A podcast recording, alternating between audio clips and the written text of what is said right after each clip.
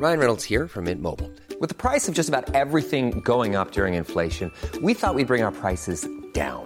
So to help us, we brought in a reverse auctioneer, which is apparently a thing. Mint Mobile unlimited premium wireless. Ready to get 30, 30, bit to get 30, bit to get 20, 20, 20, bit to get 20, 20, bit to get 15, 15, 15, 15 just 15 bucks a month. So, Give it a try at mintmobile.com slash switch. $45 upfront for three months plus taxes and fees. Promo for new customers for limited time. Unlimited more than 40 gigabytes per month. Slows. Full terms at mintmobile.com. Tired of ads barging into your favorite news podcasts? Good news. Ad-free listening is available on Amazon Music for all the music plus top podcasts included with your Prime membership. Stay up to date on everything newsworthy by downloading the Amazon Music app for free or go to amazon.com slash news ad free. That's amazon.com slash news ad free to catch up on the latest episodes without the ads. Du lyssnar på GVS ljudböcker.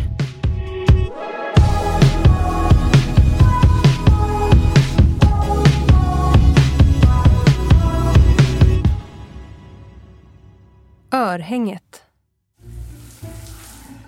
Marianne klev ut ur duschen och gick in i sovrummet. Hon kände ett sting i hälen och hoppade till. Hon hade klivit på ett örhänge. Hon stelnade till för att i nästa sekund böja sig ner och ta upp örhänget. Ett örhänge av hennes favoritdesigner, Georgs vän Knud Björg. Precis ett sånt som hon önskat sig till sin stundande födelsedag.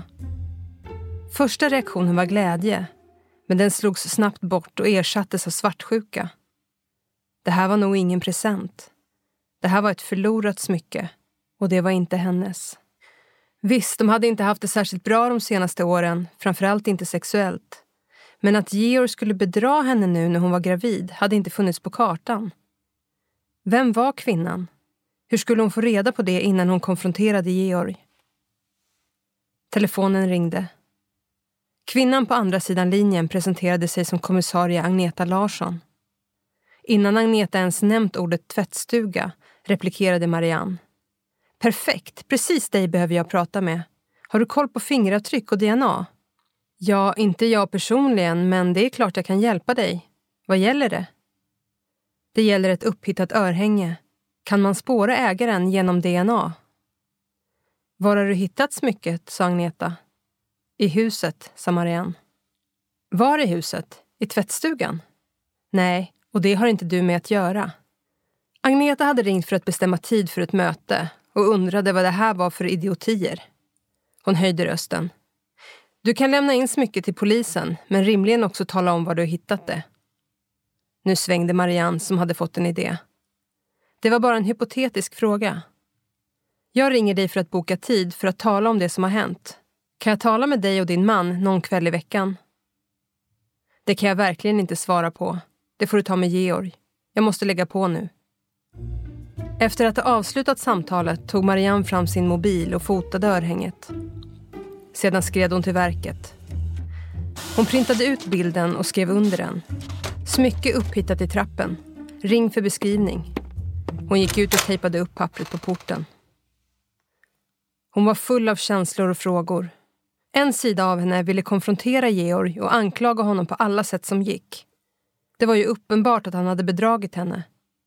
Men hon var ambivalent. För hon ville verkligen veta vem den där kvinnan var. Förra gången han bedragit henne, för fyra år sedan, hade det uppenbarats genom en klamydiainfektion och då hade han slutit sig helt. Än idag visste hon inte vem den kvinnan var. Var ägaren till detta smycke kanske samma kvinna? Samtidigt var hon också rädd att mista Georg. Hon ville inte att familjen skulle splittras, för de levde ju ett bra liv när allt kom omkring. Hon ville inte stå ensam med ett spädbarn. Vem skulle hjälpa henne? Hennes föräldrar bodde i Skåne. Lappen var lösningen. Om kvinnan kom på besök eller rent av fanns i huset skulle hon se lappen. Kvinnan i fråga skulle träda fram. Två timmar senare ringde det på dörren. Klockan var 14.30 och Marianne förmodade att det var Anna som glömt nycklarna. Hon öppnade. Där stod hennes granne Madeleine. Smycket, sa Madeleine. Är det ditt jävla örhänge jag hittat i sovrummet? Hur fan kunde du? Ulrika Stjärne skulle precis öppna ytterdörren för att gå till ICA Esplanad och handla när hon hörde Marianne skrika åt Madeleine. Men jag skulle bara höra om ägaren kommit fram, hörde hon Madeleine försvara sig. Det lät så olyckligt, fortsatte Madeleine. Ulrika valde att inte öppna och tryckte örat mot dörren. Det var alltså där örhänget var. Hon gick in i köket och ringde Georg. Jag trodde jag tappat ena örhänget jag fått av dig. Och det har jag också. I ert sovrum. Jag hörde din fru skälla ut Madeleine. Hon trodde det var hennes. Du får fan se till att greja tillbaka det. Shit, nu blir det drama. Men snälla, jag måste ha tillbaka det, sa Ulrika. Då fattar hon ju direkt att det är du som har tappat det, suckade Georg och fortsatte. Jag köper något snarlikt åt dig. Vad gullig du är. Puss. Helvete, tänkte Georg. Det enda positiva var att han nu var mentalt förberedd på vad som skulle komma. Ett telefonsamtal. Skulle Marianne komma infarande på jobbet? Skulle hon konfrontera honom när han kom hem? Han började svettas. Kanske skulle ett örhänge ändå vara lättare att bortförklara än klamydia. Det var lika bra att skynda sig innan barnen kom hem. Georg gick längs Fingatan och plötsligt kom han på hur han skulle göra för att komma undan. Han slank in i juvelbutiken och köpte ett par ännu mer exklusiva örhängen till Ulrika. Planen var nu att be Ulrika om det andra örhänget och sen visa örhängena för Marianne och säga att han köpt dem av Knud men att han råkat tappa det ena i sovrummet. Georg mässade Ulrika. Möt mig i källaren om tio minuter. Ta med dig det andra örhänget. Snart fick han svaret okej. Okay. Där i gången mellan träbåsen stod Ulrika i rosa plyschoverall. Hon såg besvärad ut. Jag måste tyvärr ta tillbaka örhänget, sa Georg. Lika bra, sa Ulrika. Hon grävde i fickan och gav honom smycket. Istället får du det här. Han gav henne de nyinköpta örhängena. Men tack, det hade du inte behövt. De här är ju ännu finare. Ulrika log menande. Stanna kvar här, jag går först, sa Georg och lämnade Ulrika i källaren. Han korsade innergården till Fulgatan. Det tog emot att gå in på Fulgatan. Han kände rädsla för att stöta ihop med Roland Spjuts aggressiva bror. Han gick snabbt upp för trapporna och ringde på hos Olof Jakobsson. Ursäkta att jag stör så här på kvällen, men det är ett krisläge och du är den enda som kan hjälpa mig, sa Georg. Stig in. Vill du ha något att dricka? Vin, öl, grogg eller bara en snaps? Har du en mellanöl, sa Georg. Nej, här drickes icke vatten. Olle fortsatte på väg mot köket. En öl alltså. Kom in här. Georg följde efter. Olle tog fram en Mariestad ur kylen, öppnade den med sin snusdosa och räckte den åt Georg. Han tog flaskan med Havanna Club från diskbänken och fyllde sitt eget glas med några centiliter. Han lutade sig mot spisen och höjde glaset mot Georg. Skål! Vad är det nu jag kan hjälpa dig med? För jag ser att det är något. Jag behöver en bukett röda rosor till min fru och det är viktigt, sa Georg. Förstår dig precis, så är det ibland. Olle såg på honom. Jag behöver dem faktiskt redan ikväll. Det går att fixa. Vad gör man inte för sina grannar? Olle tog fram sin telefon. Ska blommorna hit eller till dig, sa Olle. Hit. Om det går väntar jag gärna här, sa Georg. Det får du så gärna göra. Blommorna kommer att vara här om en halvtimme. Georg öppnade och gick direkt in i vardagsrummet med en bukett rosor. Varför blommor? Hon blängde på honom från soffan. Ja, Marianne, på fredag är det den 4 april. Det är namnsdag. Georg tog fram en ask och öppnade den. Där låg det andra örhänget. Jag var säker på att jag tappat det hemma. I sovrummet när jag slog in paketet. Jag fattar inte hur du kunde hitta det i trappan. Det måste ha fastnat i mina kläder, säger Georg. Tack. Hon reste sig, tog asken och gav Georg en puss. Hon visste inte vad hon skulle tro.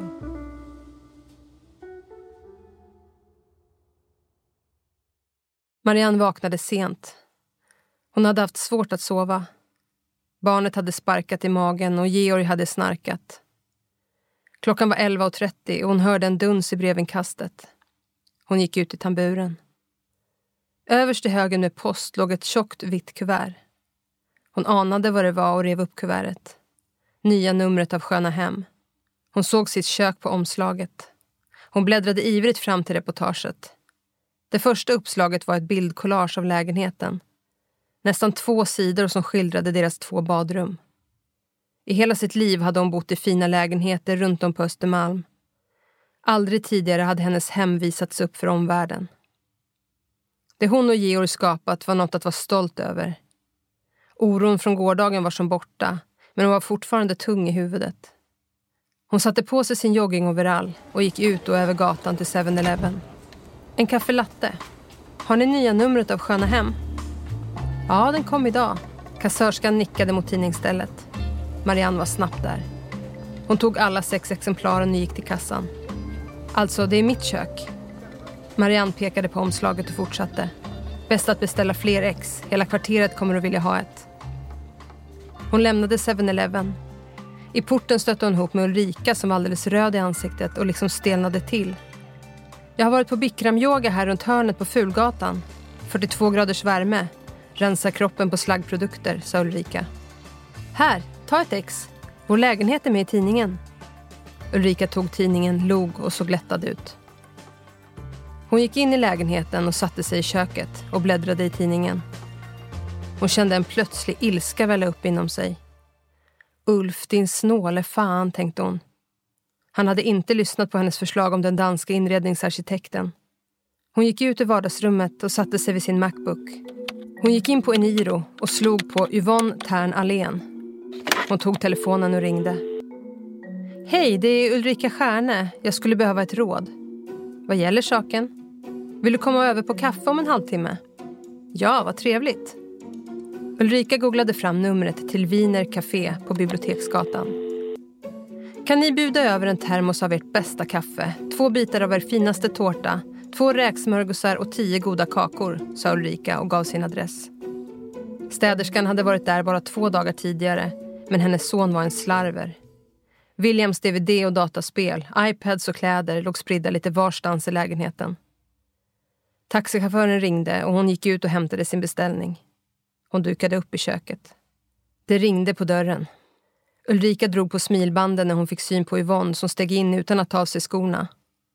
Kom in i köket. Det lät angeläget. Yvonne satte sig vid bordet. Se dig omkring. Som du vet har vi nyligen renoverat. Men allt gick fel. Titta, det är totalt smaklöst. Ulf skötte det mesta. Jag var egentligen inte involverad. Ulrika serverade henne en kopp kaffe och frågade om hon ville ha tårta eller smörgås. Yvonne nickade mot tårtan och Ulrika serverade henne. Yvonne tog silvergaffeln och en tugga av tårtan. Ulrika sträckte sig efter Sköna Hem som låg på diskbänken. Har du kontakter med den här typen av publikationer? sa Ulrika och satte sig mitt emot Yvonne. Jag känner chefredaktören för Sköna Hem. Sköna Hem? Det är för Svenssons. Jag tänker på ett magasin som Plaza Design. Jag känner ägarna. Yvonne läppjade på kaffet. Jag har tänkt att danske Jörgen Kristensen ska stå för vår renovering. Men det måste kosta en förmögenhet. Yvonne höjde på ögonbrynen. Kosta vad det kosta vill. Pengar är inget problem. Skulle det vara intressant för Plaza? De kan få inreda bildreportaget hur de vill. Om Kristensen står för den är jag övertygad om det. Det skulle säkert komma med även i deras engelskspråkiga och tyska publikationer. Briljant. Kan du berätta om vår kommande renovering för dem? Ja, jag bokar in ett möte hos mig nästa vecka. Tack för en ovärderlig tjänst. Det var så lite. Vi är ju goda grannar. När Yvonne lämnat lägenheten satte sig Ulrika och började googla på Jörgen Kristensen. Efter en stunds sökande fann hon en dansk agentur som representerade honom. Hon mejlade sitt ärende. Att hon ville flyga över Kristensen till Stockholm. Hon slog numret till Köpenhamn och bad att få tala med agenten. Men telefonisten sa att denne var upptagen. Hon lämnade ett meddelande där hon sa att det var viktigt. Skatteverket. Edvin lyfte blomsterbuketten från diskbänken, tog luren och slog numret till Skatteverket. God morgon, sa rösten. Efter en och en halv timmes telefonkö var han äntligen i kontakt med Skatteverket. Han höll krampaktigt i vänster hand buketten med tio röda rosor och i höger telefonen. Jag vill anmäla ett brott. Jag håller beviset här i handen. Mutor är väl fortfarande olagligt i detta land? Jag kräver en revision. Gangstrar flyttar in här helt öppet och skyr inga medel. Vänta ett tag. Vad är det ni vill anmäla för ekonomisk oegentlighet? En blomsterhandlare, Olof Jakobsson, som nyligen har flyttat in i vår förening. Han är alltså en gangster som såna där korvgubbar och taxichaufförer. Jag tycker du ska ringa polisen om du misstänker att ett brott har begåtts. Nu lyssnar du på mig, lilla fröken. Revision ligger inte på polisens bord, det ligger på ditt. Du nämner hela yrkesgrupper. Vi på Skatteverket kan inte utgå ifrån att alla fuskar. Nu ska du få höra hur verkligheten ser ut. Samtliga föreningsmedlemmar har fått var sin blomsterbukett, värd minst 200 kronor. Är inte detta mutbrott? Jag förstår fortfarande inte. Och det är blommor han köpte in utan att redovisa. Hur vet ni det? Vet fröken ingenting? Överkokta korvar, taxiresor utan kvitton, blommor som man säljer två gånger. Klart att de sysslar med oegentligheter. Edvin slängde buketten i papperskorgen samtidigt som kvinnan på Skatteverket kopplade bort honom. Ulf gick ner för Mäster Samuelsgatan. När han kom ut på Birger gick han utan att se in i Georg som ryggade tillbaka med ett skutt. Vad gör du här? Georg lät närmast rädd, men Ulf tog det som förvåning. Jag har varit på Prinsen för att abonnera restaurangen. Klienter? var det enda Georg fick fram. Nej, nej, inte för mina klienter. För mina vänner, sa Ulf. Prinsen, säger du? Själv har jag abonnerat Miss Von, sa Georg utan att egentligen veta varför han ljög. Ah, ja, men på Prinsen, vet du, sitter kulturen i väggarna. Får jag fråga, varför valde du Miss Von? Jag älskar atmosfären där, sa Georg och försökte minnas senast han var där. Han ville inte linda in sig i fler lögner och gick vidare. Det ringde på Olles dörr. Han öppnade. Underbara blommor, sa Madeleine. Vad gör man inte för sina nyvunna grannar? Hon sträckte fram en liten glasflaska utan etikett. Mitt egengjorda lavendelvatten. Omtumlad blickade han ömsom på flaskan, ömsom på Madeleine. Eh, tack. En drink kanske, sa han och tänkte att hon såg bra läcker ut. Nej, jag hinner inte. Jag måste iväg på capoeira. Som ett yrväder hade hon kommit, som ett yrväder hade hon försvunnit. En smula besviken stängde Olle dörren. Han tittade på klockan och satte på sig sina foppatofflor. Han hade ett avtalat möte med Roland, en person han inte kände och som ägde strippklubbar och ville att han skulle vara firmatecknare för en taxifirma. Han gick ner till Roland och plingade på. Anita öppnade. Nej men Olle, vad trevligt. Måste få tacka för de fina blommorna. Stig på. Roland sitter i biblioteket. Anita pekade in mot biblioteket. Han gick dit. I en fåtölj satt Roland med en whisky. Han reste sig och gav Olle ett dubbelt handslag. Vad trevligt att du kom. Vad önskas att dricka? Whisky, whisky eller whisky? Roland gick till drinkvagnen och hällde upp en åtta Lagavulin. Varsågod chefen. Roland räckte Olle glaset. Olle satte sig i fåtöljen bredvid Roland. Jag har tänkt så här. Han sippade på glaset och fortsatte. Om jag ska stå som firmatecknare är jag med så länge mina revisorer håller i bokföringen och den löpande administrationen ligger på ett av mig utvalt företag. Vi använder alltså min revisor och inte din. Är det okej okay med dig? Självfallet, chefen. Självfallet, sa Roland. Okidoki, let's do this then. Det här måste vi fira. Har du ätit? Nej. Vi går ner på torget och ser vad som erbjuds. Roland reste sig, gick in på sitt kontor, stoppade nödvändiga blanketter i sin attachéväska och gick ut i hallen. Måste bara gå upp och byta till skor. Olle gick med raska steg upp för trapporna och var snart tillbaka. Roland stoppade ner ett kuvert i Pidetils brevinkast. Brevet hade hamnat i fel brevlåda, sa Roland. Han såg på Olle och fortsatte. Ska vi ta Lisa Elmqvist i Östermalmshallen? Det låter bra, men jag är inte så hungrig. Hade bara tänkt mig en bira, sa Olle. Men du måste prova deras räkmackor. Så löjligt goda, sa Roland medan de gick ner för trapporna och lämnade Fulgatan.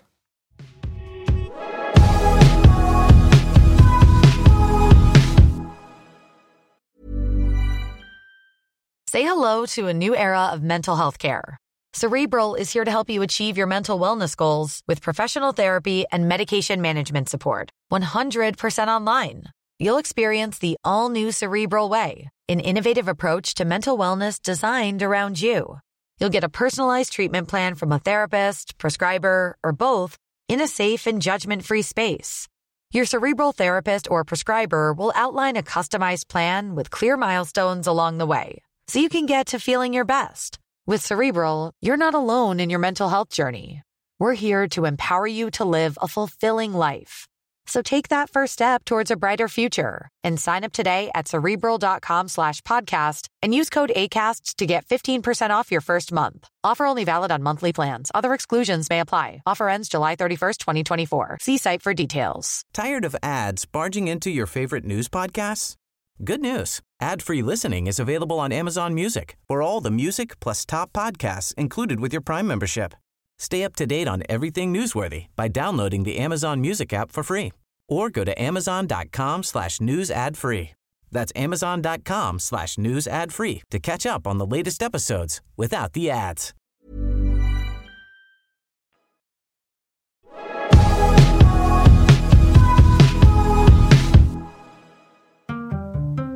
Pidde vaknade av en duns i brevlådan.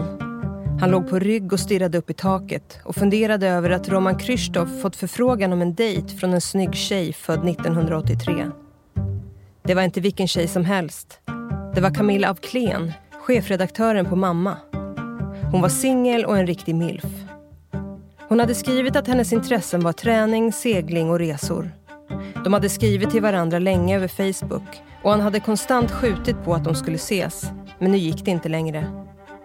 Han hade en tid, en plats och ett datum. Inga ursäkter godtogs. Nu hade han ett problem. Ett delikat problem. Han hade blivit utbjuden på sitt livs första dejt av en kvinna ur societeten. Men hon visste inte hur han såg ut. Profilbilden på Facebook och Instagram var lite suddig, men otroligt missvisande. Hur skulle han förklara det här? Plötsligt kom det till honom. Han satte sig vid datorn och skrev. Kära Camilla. Jag hoppas du inte tycker att jag verkar alltför konstig. Min far tillhör toppskiktet inom europeiskt näringsliv och på grund av hans stora tillgångar har det i hela mitt liv förelegat en hotbild mot mig. Risk för kidnappning och så. Därför har jag på sociala medier inte vågat gå ut med mitt rätta utseende och namn. Och det är på många sätt praktiskt att få vara anonym. Jag hoppas du inte har visat intresse på grund av min profilbild. Jag har i alla fall inte upplevt det så. Här bifogar jag en bild på hur jag egentligen ser ut så du känner igen mig om du fortfarande vill ses på Beirut Café. Kram, Pierre Thiel. Nästa problem var kläderna. Han såg sig om i lägenheten. De flesta kläderna låg i en hög bredvid madrassen på golvet. En sak var säker. Inget där fungerade. Han slutade leta. Han visste att han inte skulle hitta något. Han ägde inte ens en kostym. Från trappen kunde han höra Roland prata med någon högt och glatt. Han öppnade dörren. Hej Pidde! Jag har varit ute och ätit en macka med vår nya granne Olle. Har ni träffats? Nej. Olle Jakobsson heter jag. Olle sträckte fram handen. Pidde? Roland, jag skulle behöva fråga dig om en sak, sa Pidde. Det här får vi göra om ofta, partner, sa Roland till Olle som virvlade upp för trapporna. Roland gick in till spöket och ställde ifrån sig attachéväskan i hallen. Jag la i ett kuvert tidigare med fem gram chack. Funkar doseringen 0,2 som jag rekommenderade, sa Roland och tänkte, skönt att grabben städat lite. Det luktar inte längre sopor här. Ja, jag blir mycket lugnare och mer fokuserad. Jag är verkligen tacksam. Vad var det du ville fråga?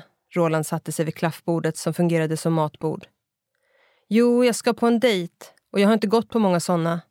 Det är en fin tjej som fått för sig att jag har gott om pengar. Hur ska jag klä mig? Spöket såg ängsligt på honom. Du behöver Bobby och du behöver åka till Dressroom i Skrapan. Roland tog upp telefonen och ringde. Tjena Bobby, det är Roland. Jag skickar en god vän till mig, Pidde. Han ska på en dejt med en värstingpingla. Hjälp honom och sätt upp det på mitt och Lars-Åkes konto. Tack min vän. Roland la på och klappade Pidde på axeln. Butiken i Skrapan. Gå dit så löser det sig. Tack, tack Roland. Du är en räddare i nöden. Denna dag hade Agneta Larsson tänkt att börja tala med affärsidkarna som hyrde av bostadsrättsföreningen Dovhjorten. Hon gick in till Blanc Le Blanc. Det spelades americana med stämsång. Typisk musak för den här sortens verksamhet, tänkte Agneta. Musiken var ett intresse och en passion hon hade haft sedan barndomen. Kan jag hjälpa till med något? sa Majken Blanc. Vad är det för musik? Jag har inte hört dem förut. Det är First Aid Kit. Min dotter som tipsade mig. Visst är den bra? sa Majken. Jo, låter väl okej. Okay. Jag är här för att jag vill ställa några frågor.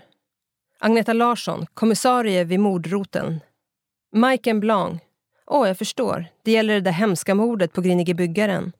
Majken sträckte fram handen. Just det.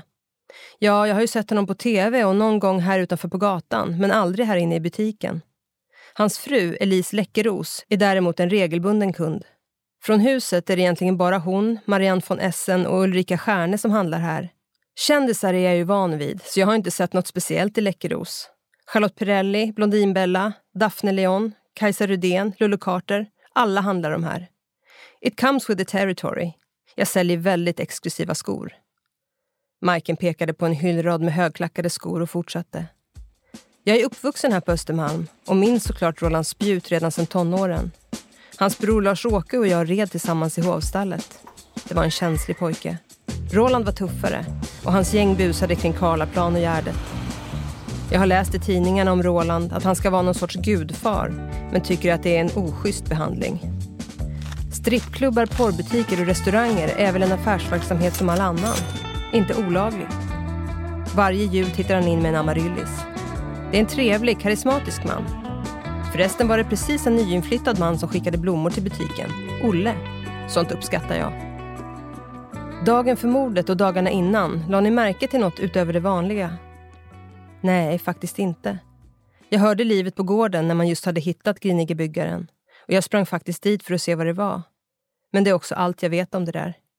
Jag önskar såklart att jag kunde hjälpa till mer. Hur länge har du haft butiken? Trivs du i huset? sa Agneta sådär lite i förbefarten. Jag startade den i samband med att barnen började bli stora för tio år sedan. Jag trivs bra. Nu när vinden ska göras om till lägenheter är jag såklart orolig över att mista lagret i källaren. Och så alla byggnadsställningarna som riskerar att skymma hela butiken för mig. När ska de börja bygga vinden? Kanske redan i år. Beslutet är klubbat men en del av grannarna tjafsar med varandra om det där. Först ska det byggas en hiss. Ta mitt kort och hör av dig om du kommer på något du glömt.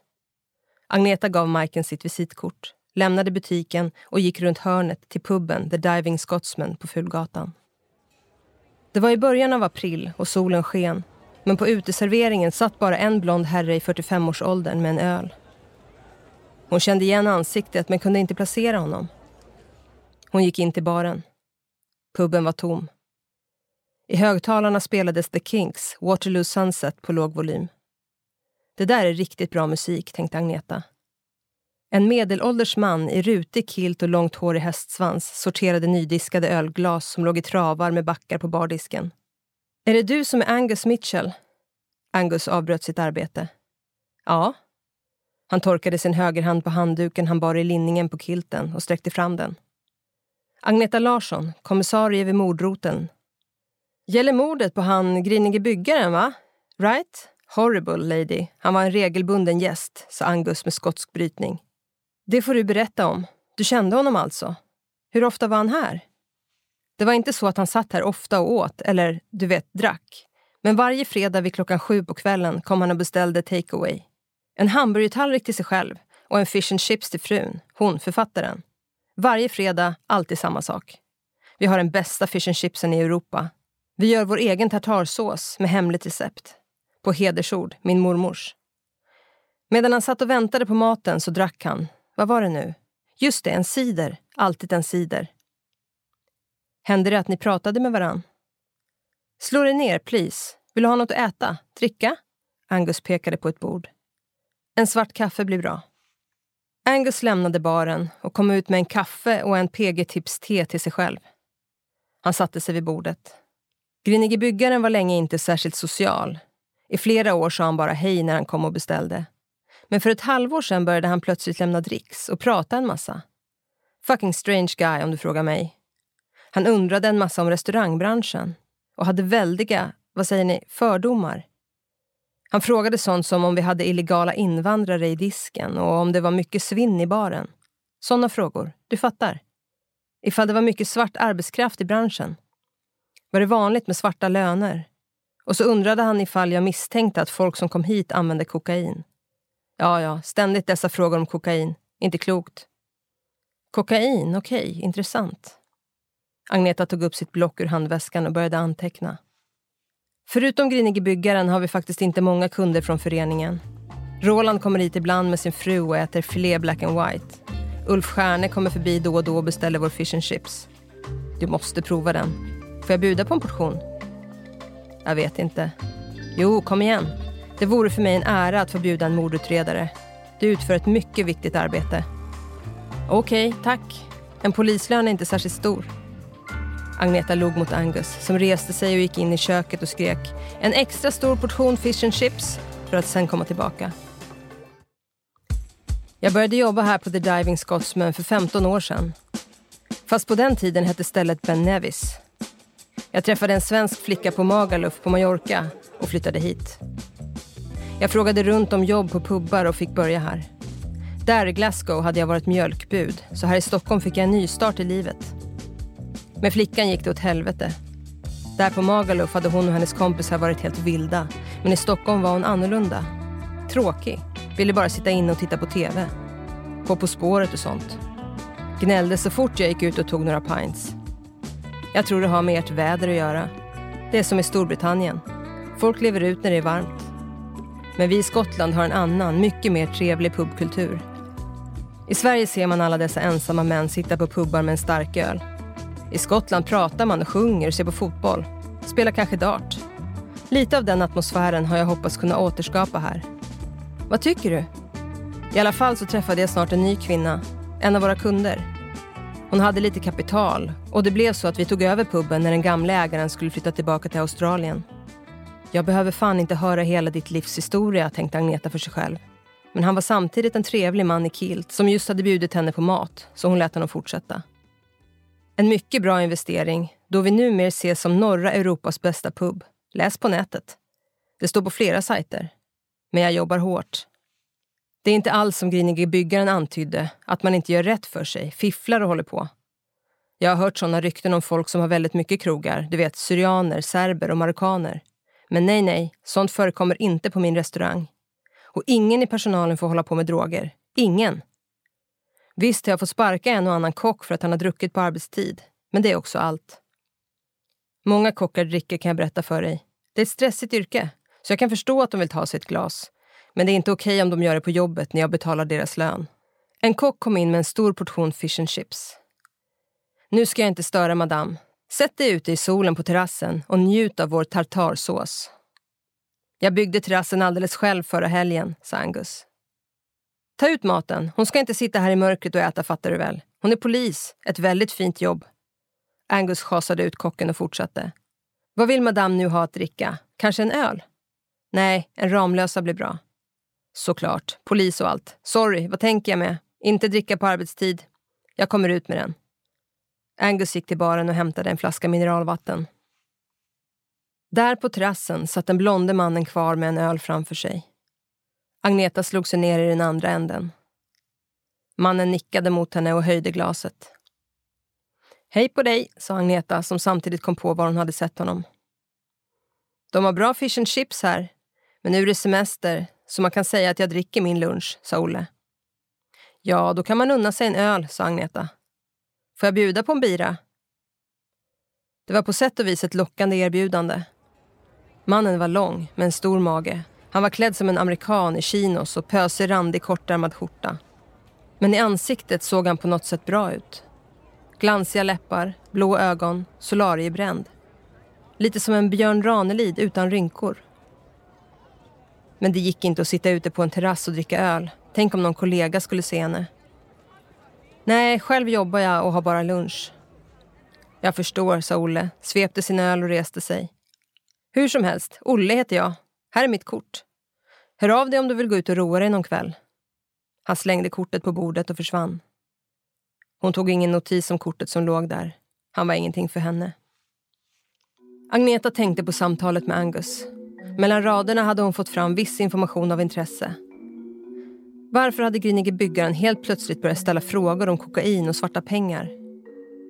Kokain var ordet som stått skrivet på lappen uppe på hans vägg. Hade det med hans bokprojekt att göra eller var bokprojektet en front för något annat? Problemet var att datoravdelningen inte hittat någon bok i hans dator. Där fanns mest fakturor till produktionsbolaget och så då blogginlägg om galapremiärer, snickeri och tv-produktioner.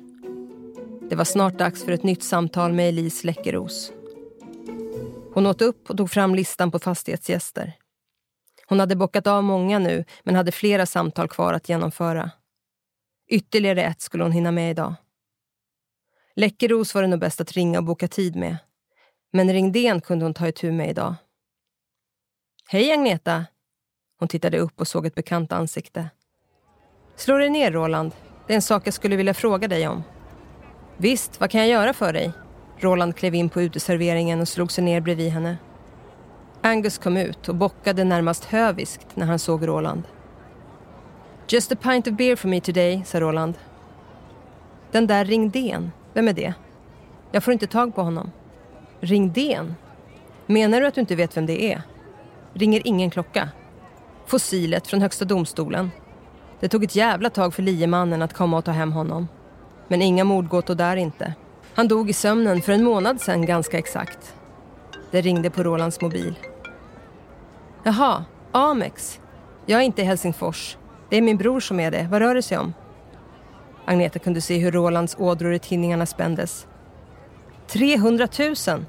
Jag måste kolla upp det här. Tack för att ni ringde. Roland avslutade samtalet och vände sig mot Agneta. Ursäkta mig, jag måste ringa lillbrorsan. Ja, tack. Jag vet att du är i Helsingfors. American Express ringde mig nyss. De säger att du shoppat loss på auktionsverket för 300 000.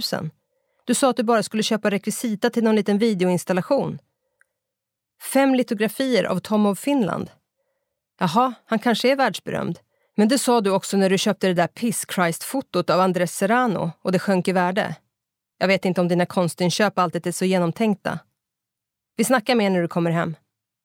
Roland la ifrån sig telefonen, suckade och såg på Agneta. Småbröder, fy fan, sa han. Jo tack, jag vet hur de är. Han har väl slutat spela? Jag gjorde precis som du bad mig. Det är flera år sedan jag portade Jimmy och jag har inte sett honom sedan dess. Ja, jag fick in honom på en behandling för sitt spelberoende. Men nu är det bilar som gäller, sa Agneta. Vadå, har din brorsa blivit bilhandlare? Nej, han har slagit sig i slang med två greker som köper lyxbilar i Tyskland. Lillebrors uppgift är att flyga till Tyskland och köra hem bilarna. Men dumfan smällde en Porsche Cayenne i veckan. Nu kräver de honom på 800 000. Och idioten har gått under jorden igen. Det kommer väl att sluta med att jag måste ta ett lån. Vad heter grekerna? Roland såg allvarligt på henne. Blanda dig inte i det här. Agneta kom på sig med att ha sagt för mycket. Oroa dig inte. Vi ska inte prata om detaljer, du och jag. Roland svepte sin öl. Ha det bra tjejen. Du ska se att det löser sig. Roland reste sig upp och gick in i porten på Fulgatan. Agneta reste sig och gick in i baren och tackade Angus för lunchen. Sen gick hon in i porten på Fulgatan. Hon stegade upp i trapphuset. Märkligt. Namnen på dörrarna stämde inte riktigt. Hon jämförde namnen på listan med namnskyltarna. Ringden, som hon nyss fått klarhet om, och Svensson saknades på namnskyltarna medan Jakobsson och Eriksson inte fanns på listan. Hon ringde på hos Jakobsson. Det dröjde. Hon hörde något i lägenheten. Hon tänkte att det nog bodde en gammal människa där. Dörren öppnades. Olle nästan ramlade ut. Så rättade han till sig. Ursäkta, jag låg i badet. Men vad trevligt att se dig igen. Redan semester. Mannen från uteserveringen log från öra till öra. Han var klädd i en lila frottémorgonrock med Björn Borg-logga. Jaså, är det du som bor här? Hej, Agneta Larsson. Jag är poliskommissarie och vill höra dig om händelsen i tvättstugan. Åh, fy fan. Kom in på en kopp kaffe. Hon gick in i hallen som var full med flyttkartonger. Vi sätter oss i köket, sa Olle. Agneta följde honom genom hallen. Plötsligt brast han ut i sång. If I had a boat I'd go out on the ocean And if I had a pony, I'd ride him on my boat, and we could all together go out on the ocean, me upon my pony on my boat. Känner du igen den låten? Jag har precis köpt en båt och är så jävla glad idag. Nej, aldrig hört, sa Agneta. Lie Lovett. Om du inte lyssnat på honom är det bara att gratulera, för du har något att se fram emot. Slå dig ner. Olle drog fram en stol. På bordet låg utskrifter på båtar. Nej, det enda namnet säger mig är att det var någon ful snubbe som var ihop med Julia Roberts, sa Agneta. Jag fattar. Du är inte så intresserad av musik? Jo, det är jag verkligen. Vad gillar du då? Mest 60-tal, tidigt 70-tal. Beatles, Small Faces, Ronettes, Martha and the Vandellas, The Isley Brothers. Du är en sån där kräddpajas alltså. Själv håller jag mig till country, arbetarnas musik. Kaffe latte, cappuccino eller espresso? Olle började göra i ordning espressomaskinen. En dubbel espresso blir bra. Jag tror du förstår att jag inte kommit hit för att snacka musik. Olle satte sig vid bordet och såg allvarligt på henne. Jag har precis flyttat in i huset och tagit ledigt den här veckan för att fixa med lägenheten. Börja renovera lite lätt. Jag antar att det gäller det där mordet på Grinige byggaren. Det var innan jag flyttade in. Ulf Stjärne och Roland Spjut har berättat om det. Så har jag ju läst i kvällstidningarna. Och nu känns det ju som att jag har hamnat i en kvällstidning.